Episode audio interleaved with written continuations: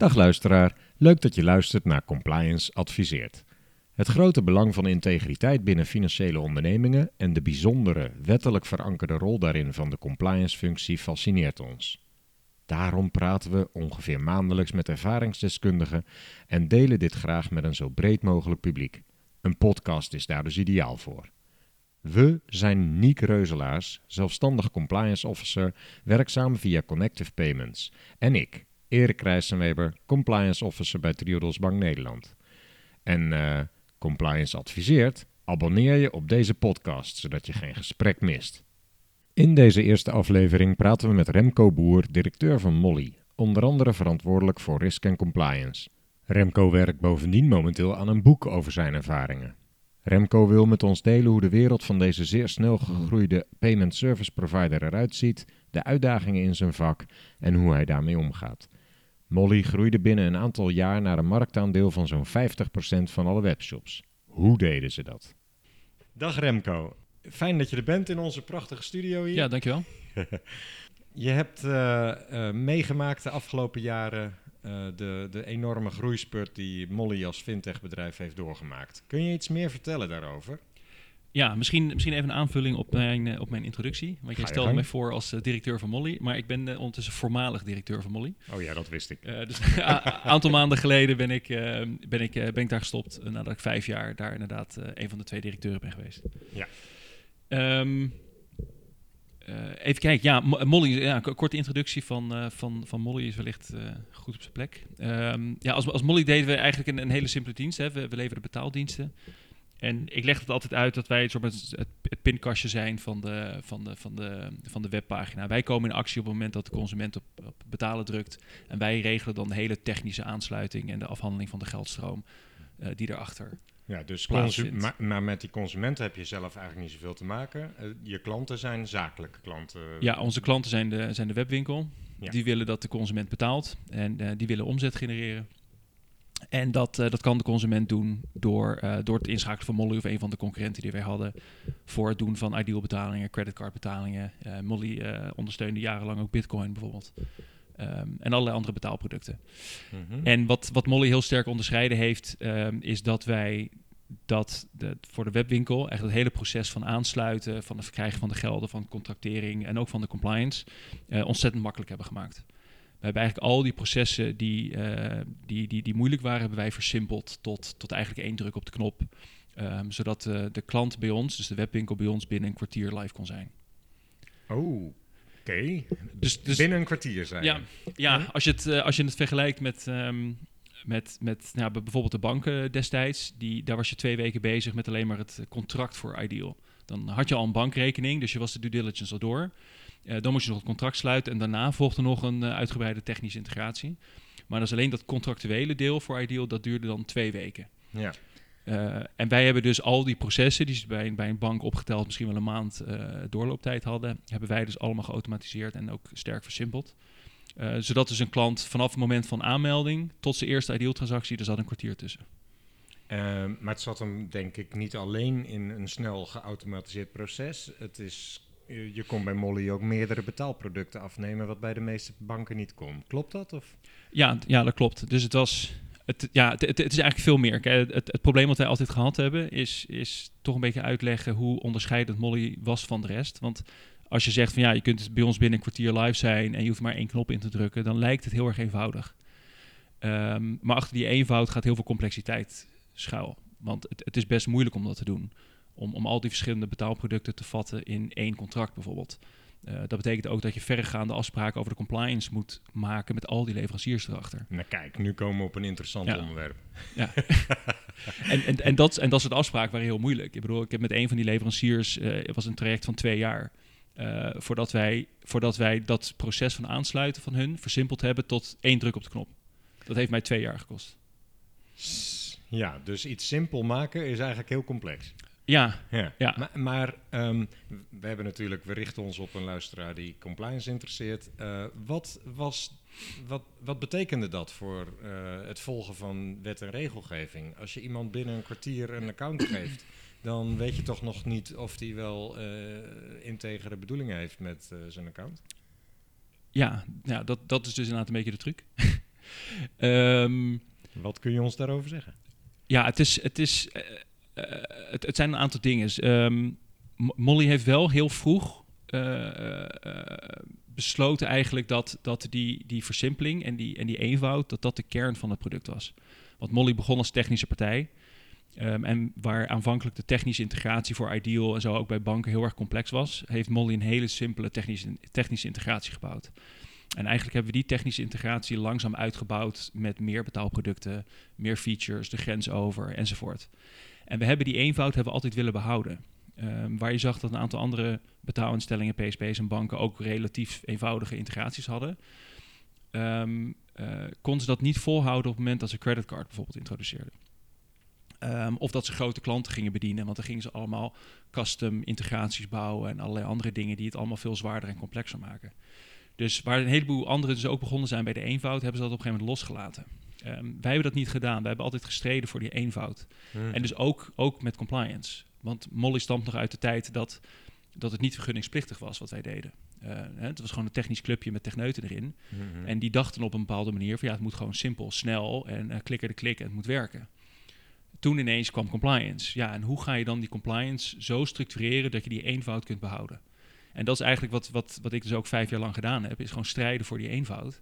Uh, en net zo lang duwen, trekken en manoeuvreren, ook om wet en regelgeving heen. En, en um, om te zorgen dat dat past. En bracht je dat wel eens in problemen? Ik bedoel, uh, dat je klanten had geboord die je er later toch weer uit moest gooien? Of, uh? ja, ja, ja, ja, we hebben toen ik, uh, toen ik aantrad, um, kregen we eigenlijk direct te maken met een onderzoek van, vanuit DNB.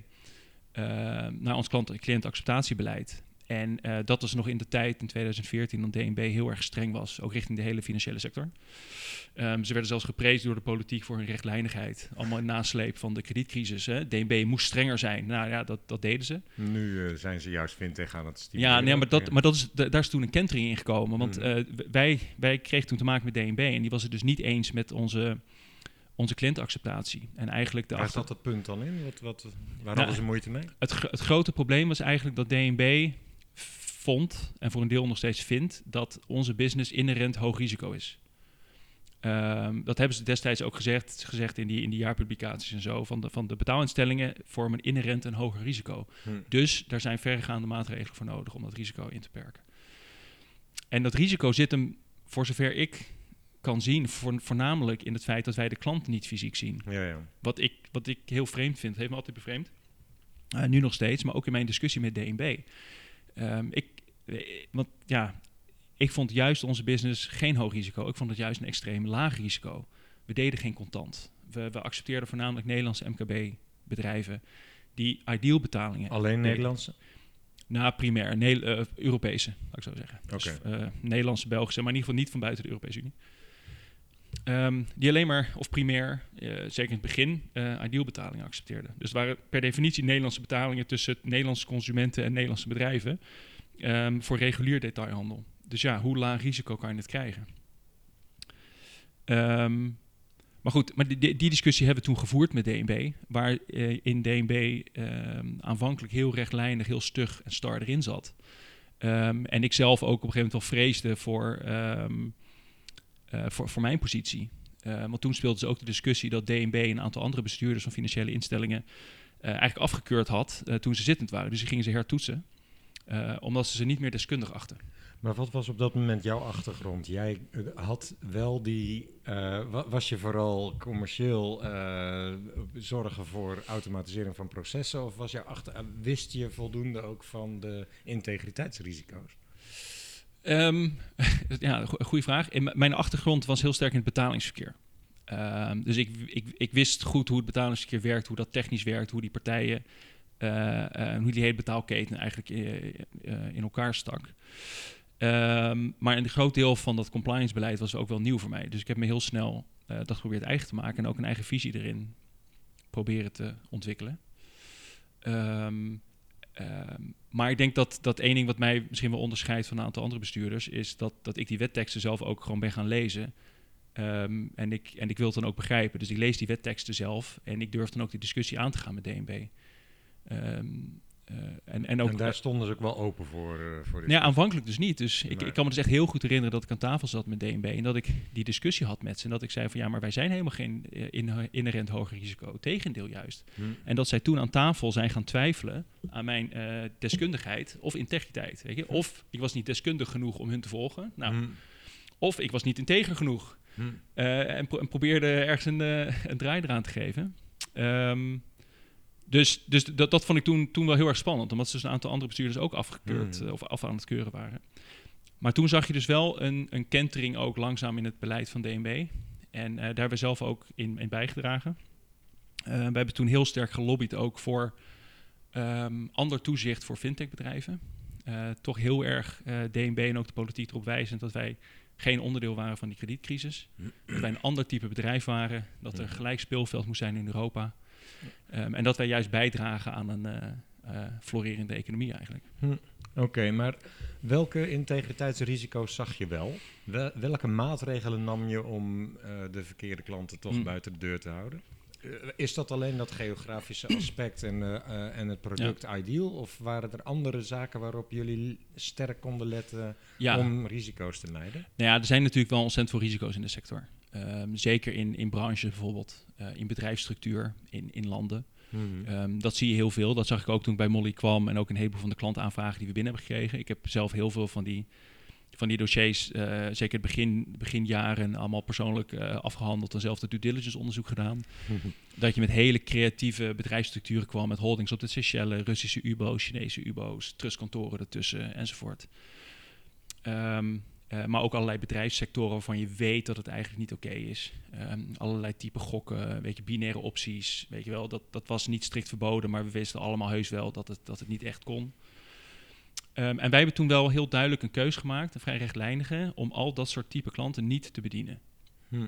Eigenlijk om het geautomatiseerde en eenvoudige proces wat wij hadden in stand te houden. Want zodra je dat soort due diligence moet gaan doen, ja, dan kan je ze niet meer binnen een kwartier borden. Eh, je, wil, je overwoog ook niet om gewoon een uitzondering te maken. Bijvoorbeeld uh, alle klanten binnen een kwartier, maar enkele ja. uh, doen er iets langer over. Nou, dat hebben we natuurlijk wel heel vaak overwogen. Zeker als je de, als je de volumes of de marges en zo ja, zag. Dus, ja. um, uh, dus we, we, hebben heel vaak die discussie gevoerd. We hebben heel vaak wel een een of andere gambling klant bekeken. Echt van, nou ja, deze kan misschien net wel. Of een, uh, een webcam uh, bedrijf van ja, deze is misschien wel oké. Maar goed, dan ga je er toch naar kijken en dan zit het toch niet lekker. Hm. En denk je, ja, dit is toch niet uiteindelijk waar wij voor stonden. Um, en, en toch, je zag dat de rest van de sector dat dus wel deed. En die raakte dan toch tot zekere hoogte verslaafd aan die hoge marges. Um, en dan zie je dus ook dat zij uh, hele inefficiënte bedrijfsvoering hadden en zo. Wat niet erg is als je hoge marges maakt enzovoort. Maar bij Molly hadden we denk ik iets wat, wat, wat bijzonderder was dan dat. We hadden dus een hele efficiënte bedrijfsvoering.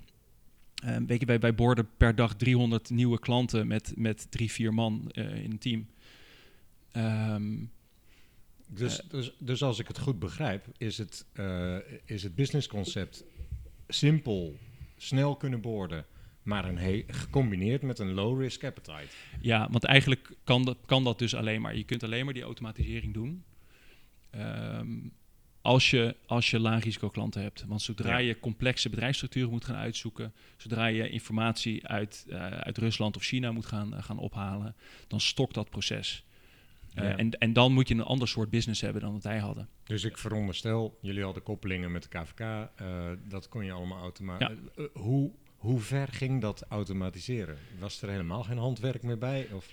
Nou, we hebben, we hebben het geprobeerd volledig te automatiseren. Um, en dat, dat traject was ik nog mee bezig, uh, helemaal aan het eind. Want het, de enige handmatige stap nog was eigenlijk de risicobeoordeling.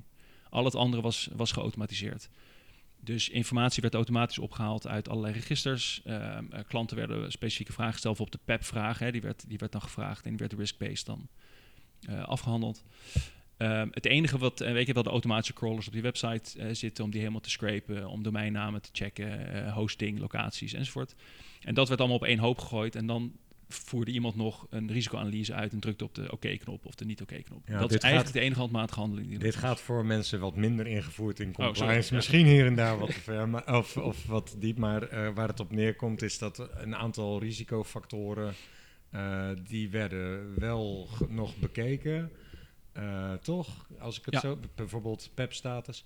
Um, En uh, wat een hele belangrijke stap in het CDD-proces, het Customer Due Diligence-proces, het ken uw klant-principe. Uh, ja. een hele belangrijke stap daarin is dat je toch ook nog wel die handmatige beoordeling doet van accepteren we nou die klant met alles wat we van hem weten. Ja, en dus ook wel het oordeel vellen, past deze binnen hè, de, wat wij zouden verwachten. En onze verwachting was eigenlijk dat elke klant lokaal MKB'er is. Dus Nederlands of Belgisch of Duits lokale MKB. Nou ja, en daar verwacht je een aantal dingen bij. Je verwacht dat de UBO's Nederlander dan zijn of juist een Belg zijn in België. Uh, je verwacht dat er misschien één holding, of als er twee eigenaren zijn, dat iedereen een eigen holding heeft. Uh, dat soort bedrijfsstructuren verwacht je. Um, dus moet ik me dan voorstellen dat je die verwachtingen zo ver had uitgewerkt, uh, zodat je automatisch ja. ook kon vergelijken wat ik in, bij deze klant zie, dat past wel of niet binnen. Ja, ja, ja, ja. Wow. Dus, dus vrij standaard, standaard profiel. En, en, dat, en dat werkt bij 90% van de klanten. Want 90% ja. Uh, dan heb je is dus... gewoon regulier MKB en die, die, heeft gewoon een website. En een Nederlandse klant heeft een Nederlandse website. Ja. gehost in Nederland. en die heeft geen gekke dingen erop staan.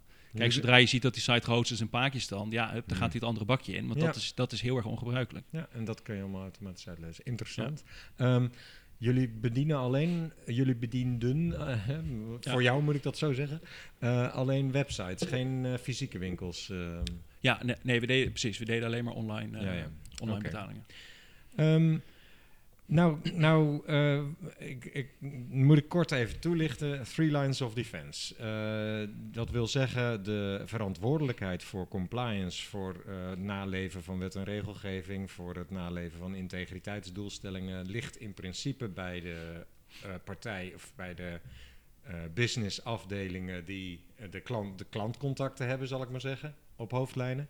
En dan heb je de second line of defense, dat is compliance, die uh, meer kijkt, uh, begrijpt de business nou wat ze doen en hebben ze de juiste controls? Uh, gebeurt het inderdaad op wet en regelgeving en volgens ons beleid? En dan heb je nog een derde lijn, dat is de third line of defense, de audit. die kijkt, kijkt compliance wel goed. dus zo probeer je de, de verdediging op orde te hebben, want ja, defense. Um, is Molly erin geslaagd om op zo'n manier uh, en uh, Three Lines of Defense in te voeren? En mijn vraag aan jou is ook, hoe zag jij jouw eigen rol daarin? Ja, um, het, is, het is sowieso binnen een kleine organisatie altijd heel moeilijk dat te doen. Um, Absoluut. Dat, dat, dat, ten eerste. Um, proportionaliteit. Proportionaliteit. Want als je een. Kijk, toen ik, toen ik bij Molly kwam, werkten er tien mensen. Uh, waarvan uh, twee bestuurders en een compliance officer. Dus, en wat nog zeven mensen in de operatie zitten. Dus, dus je, je ontkomt haast niet aan, aan dat, dat uh, de compliance toch ook gaat mee, meekijken, meewerken, gewoon de, de handen uit de mouwen steekt en niet alleen maar een, een soort tweede lijns functie bekleedt.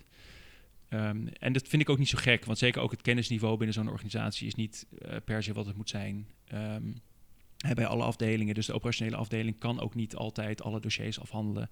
Die hebben ook niet de tijd, die hebben de kennis niet, de inzicht niet, het niveau niet vaak om, om complexere zaken af te handelen. Of, of uh, zelf een eigen analyse of een standpunt in te nemen op bepaalde regels.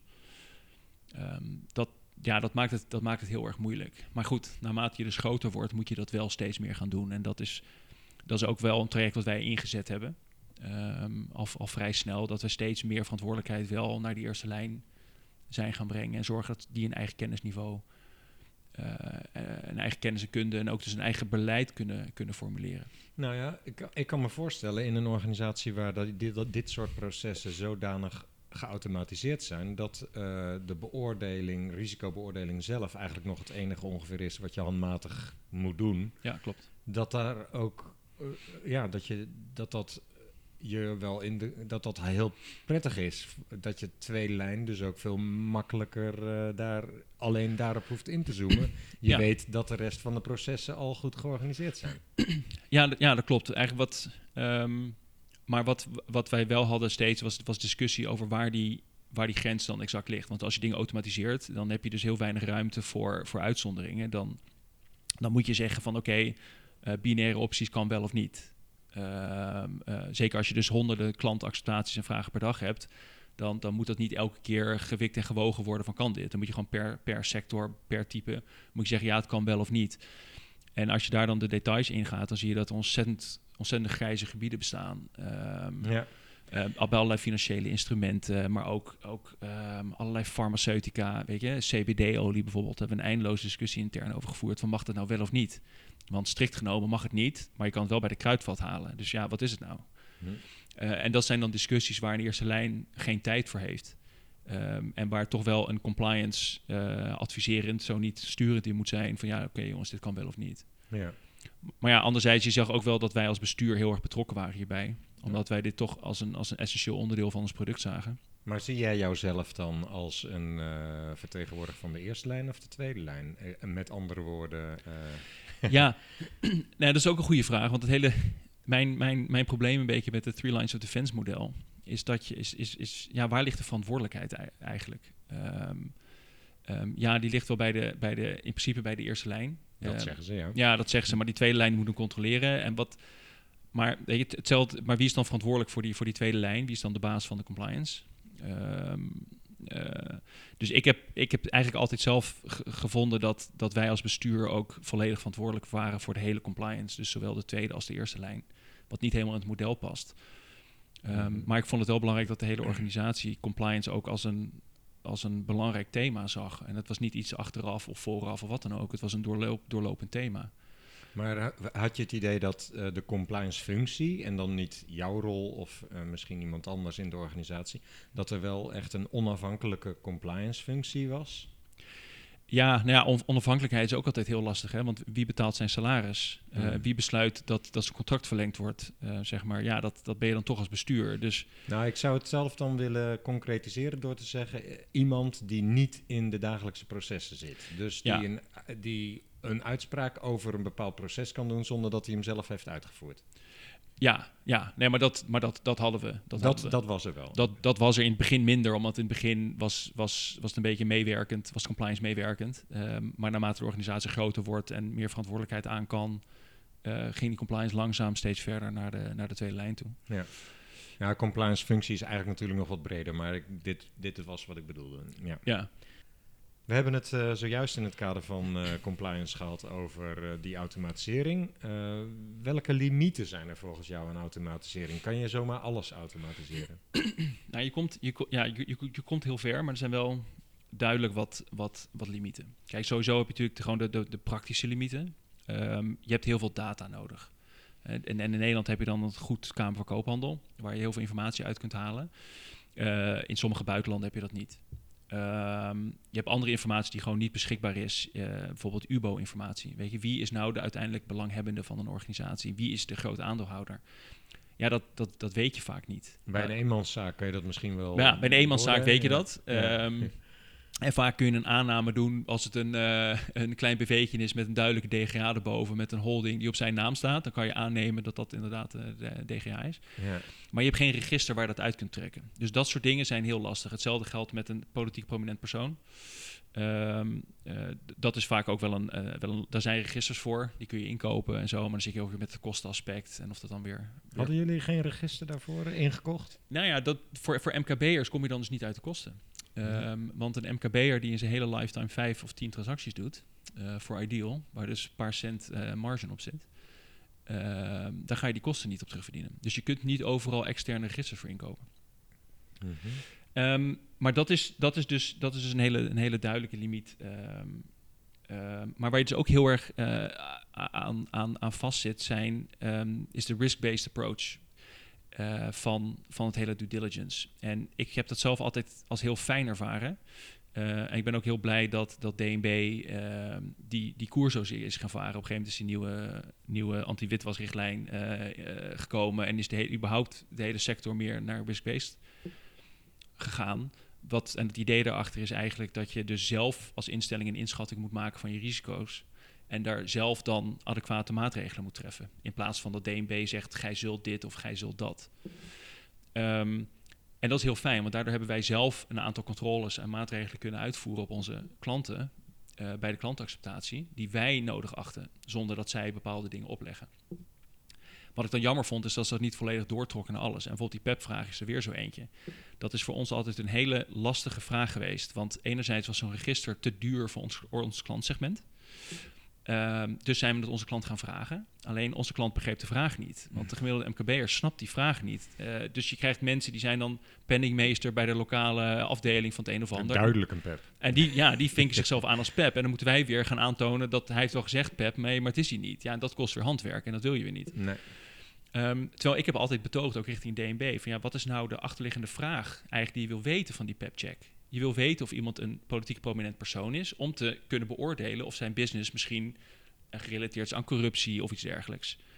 Um, maar als je een MKB'er hebt met een omzet van onder de 50.000 euro, ja, wat is nou de kans dat hij daadwerkelijk bij corruptie betrokken is? Waarom bestempelen we dan niet dat corruptierisico als een risico en hebben we dat PEP als een element daarin, in plaats van dat je ons voorschrijft om voor elke klant vast te stellen of die PEP is of niet? Maar ik kan me voorstellen dat DNB daar weinig flexibel ja, in kan nee, dat, zijn. Nee, ja. Het is echt wettelijk. Precies, en dat vind ik dus heel erg jammer. En dat, daar zie je dus wel dat ze beperkingen in. Dat, dat als ze dit soort dingen heel rigoureus voorschrijven van gij zult dit doen, ja, dan moet je dat wel doen, want anders ben je overtreding van de wet. Ja, ja. Maar ik heb nooit niet het idee gehad dat wij nou echt hele feitelijke uh, risico's hiermee aan het uh, nee. uh, mitigeren waren. in hoeverre werd er op, bij CDD-processen ook geleund op de automatisering van transactiemonitoring?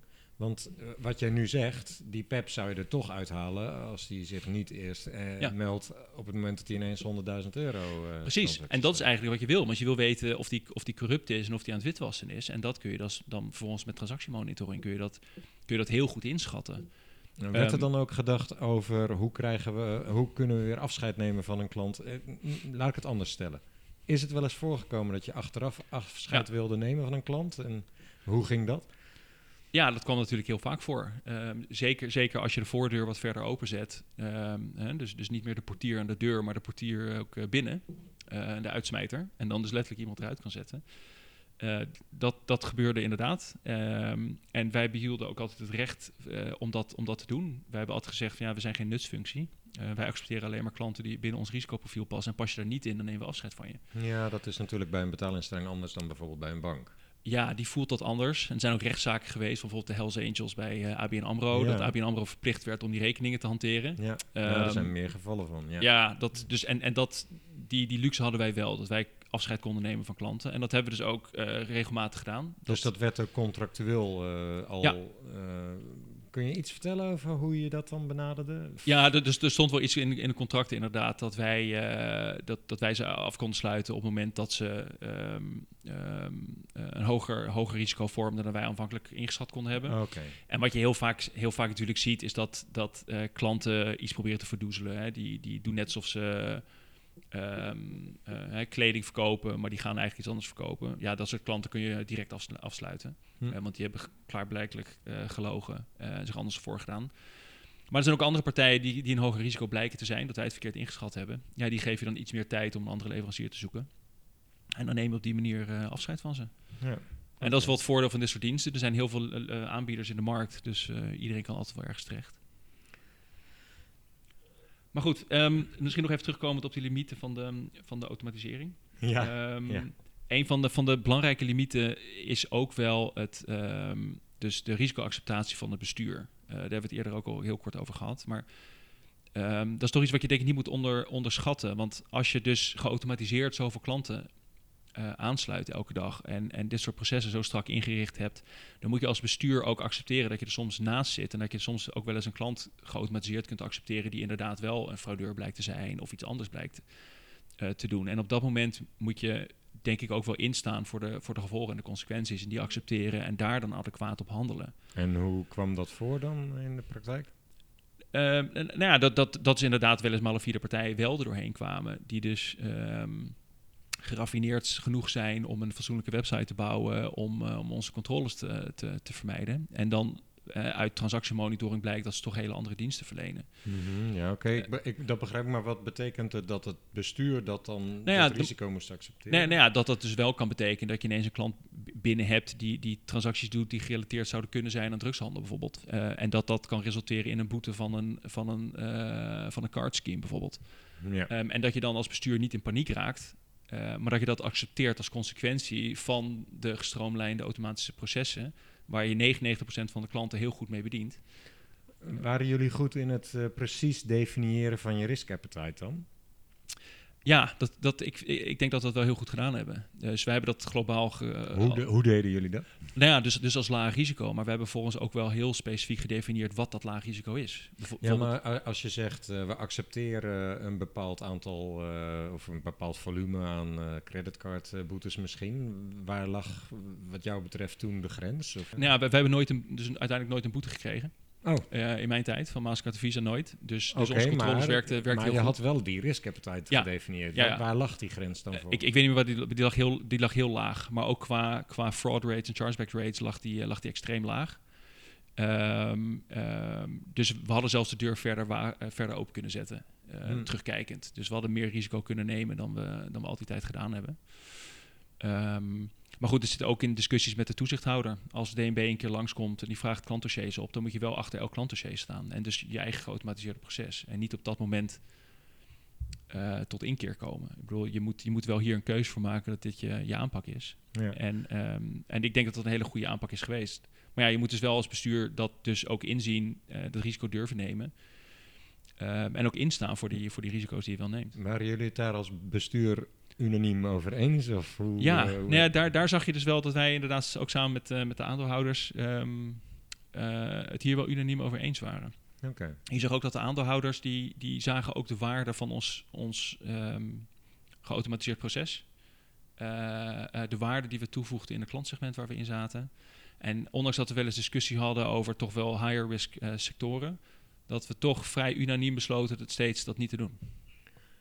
Um, ik, ik, herinner me trouwens, nu plotseling tijdens dit gesprek, uh, volgens mij ben je wel eens bij Radar in, in beeld geweest of bij uh, zo'n consumentenprogramma, of was jij dat niet? Nee, dat was ik niet. Ik ben dan, nee. Was er wel iemand van Molly, dacht ik? Dat, is, dat was voor mijn, voor mijn tijd. Ah. Uh, is Radar een keer onverwachts langs geweest. Maar dat ging dan voornamelijk over consumenten die gedupeerd waren van, van malafide webshops. Juist. Ja, en, dat was het. Ehm, en, en, en dat, dat gebeurt wel helaas vaker. Dat je dus We, hebben zelf een, een, zaak gehad met een, uh, een Duitse partij die wasmachines verkocht. En um, die had gewoon een hele simpele uh, site en die had een katvanger. Um, en die verkocht wasmachines. Alleen die leverde niet. Maar ja, die wasmachines kosten wel 400 euro per stuk. Um, hield die klanten twee maanden lang aan het lijntje door steeds te zeggen ja, levering is uitgesteld. Dus twee, drie maanden lang heeft hij wasmachines verkocht uh, en nooit geleverd en is met geld van doorgegaan. Ja, en toen kregen wij dus van de Duitse justitie allemaal brieven, brieven thuisgestuurd in mooie gotische letters. Uh, waarin ik persoonlijk ook uh, aansprakelijk werd gesteld voor uh, fraude en, en, witwassen van gelden. en dat heeft ons nog wel enige moeite gekost om dat allemaal recht te, recht te trekken. Um, ja, hoe leg je dat uit? Ja, ja, ja maar dat is, um, dat is dus wel uitlegbaar. Alleen dat, dat zijn dus wel ook dingen die kunnen gebeuren. Ja, ja. Um, ik zit ook even aan terrorismefinanciering te denken. En ja. de FIU en ook uh, de Nederlandse Bank hebben regelmatig gewaarschuwd dat met name stichtingen ja, een rol zouden kunnen spelen in ja. terrorismefinanciering. Werden stichtingen door Molly ook geaccepteerd? Ja. Of werden die wel als high risk gezien? Of hoe werkte dat? Nee, dat, hebben, dat is altijd een, een lastig dossier geweest. Um, we hebben altijd uh, uh, heel veel stichtingen geaccepteerd. Uh, van oudsher. Vroeger gaf Molly ook korting aan stichtingen. Um, we, hebben, we hebben duizenden stichtingen in de boeken gehad. Uh, altijd. En uh, dat waren allerlei type stichtingen van school, schoolgemeenschappen, dat soort zaken, kerkelijke stichtingen. Um, maar ook een heleboel moskeeën hadden we in de boeken en, en allerlei andere, andere stichtingen. Allemaal high risk. en, nou ja, een heleboel. Een heleboel um, ja, kijk, stichtingen zijn altijd high risk, want je weet niet wat, wat, ze, wat ze doen. En je weet niet wat, uh, wat het doel van de gelden is. En daarmee vormen ze dus inderdaad een, een inherent hoger risico op terrorismefinanciering. En zeker als je ziet dat een hoop van die stichtingen gelden ophalen voor arme mensen in oorlogsgebieden, bijvoorbeeld. Dus heel veel stichtingen voorbij zien komen die geld ophaalden voor Syrië. Um, of, of het Rifgebergte toen die protesten daar waren, nou ja, goed, enzovoort. Uh, dat, is, dat, ja, dat is altijd wel een hele moeilijke. En, en als je dan gaat kijken van oké, hoe monitor je dan op die, op die risico's? Nou, je kunt een, een stukje kun je doen in de klantacceptatie. Je kunt heel goed kijken, oké, wie zijn die bestuurders dan? Wat is hun leeftijd? Um, weet je, daar zie je ook wel een vrij duidelijk patroon. De meeste bestuurders van stichtingen die zijn 50, 60 of ouder. Uh, je hebt vaak niet groepjes jongeren die bestuurders zijn. Zie je die wel? Wonen die toch wel in bepaalde delen van het land, bepaalde wijken enzovoort? Hebben die bepaalde connecties?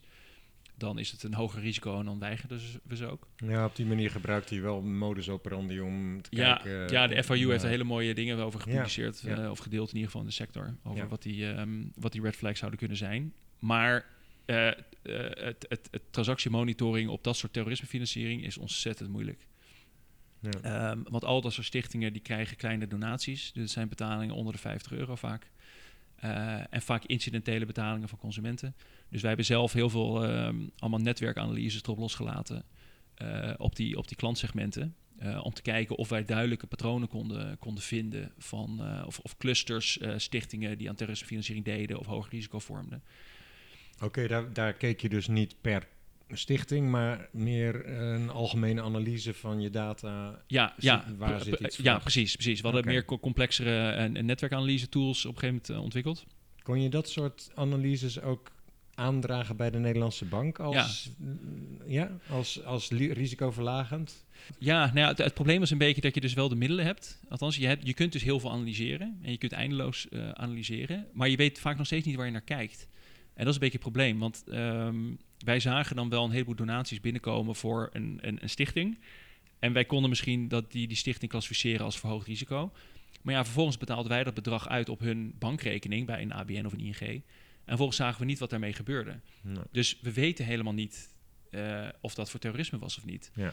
En, en dan kom je toch een beetje in de problematische eh, zone van ja, wat doe je dan met zo'n klant? Want ja, alleen maar omdat zij een misschien traditionelere lezing eh, van de islam hebben bijvoorbeeld, wil nog niet zeggen dat wij ze moeten weigeren als klant.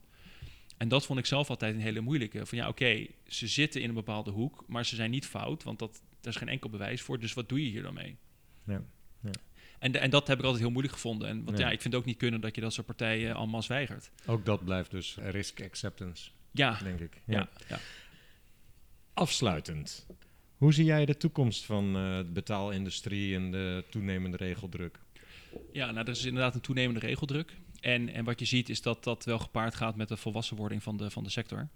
Ehm, je krijgt grotere betaalinstellingen die ook beter geëquipeerd zijn om met die, met die regeldruk om te gaan. Ehm, en dat maakt het ook voor nieuwkomers ontzettend lastig om toe te treden tot de markt. Het zijn echt barriers to entry zijn het geworden. Want je komt niet zomaar de sector in als kleine betaalinstelling meer. Je moet gelijk op zoveel vlakken en fronten moet je je compliance op orde hebben. Niet alleen de due diligence, maar ook de data en zo. Dat is ook zo'n ontzettend belangrijk thema aan het worden. En wat voor data bedoel je? Ja, alle, alle klantdata, hè, de GDPR. ehm, Om dat ook goed in te richten, En dat, dat- dat beveiligd is bedoel ja, je? en dat helemaal in te richten in je systemen, je processen, je, ehm, je, je, je, je productontwikkelproces enzovoort. Ehm, dat, je, dat je daar wel een, een organisatie van enig formaat voor nodig hebt om, eh, om dat goed te kunnen doen. Ja. Ehm, en, en dat vormt dus een barrier to entry voor, voor kleinere partijen. Ehm, nog los van de hele vergunningsplicht, hè, waar, ze, waar ze ook nog aan moeten gaan voldoen. Moeten voldoen al. Ehm, dus, dus dat betekent waarschijnlijk dat de schaalgrootte die wij zien in de sector alleen maar zal, eh, zal voortzetten. Uiteindelijk is, is payments en betalingsverkeer al een schaalspel. Eh, hoe meer volume je hebt en hoe meer volume je door je systemen kan pompen, hoe beter. Nou ja, met dit soort dingen zal het alleen maar meer worden. Dus de, de acquisities en fusies enzovoort, die zullen denk ik doorgaan. eh, tot je een aantal grote partijen overhoudt. Hartstikke bedankt voor dit gesprek. Ik vond het zeer verhelderend. En ehm, ik kan vast voor de luisteraar toevoegen. We hebben al eh, plannen voor een volgende podcast zelfs. Dus hou de podcastserie in de gaten. Ik hoop dat je genoten hebt van dit gesprek. En graag tot volgende keer.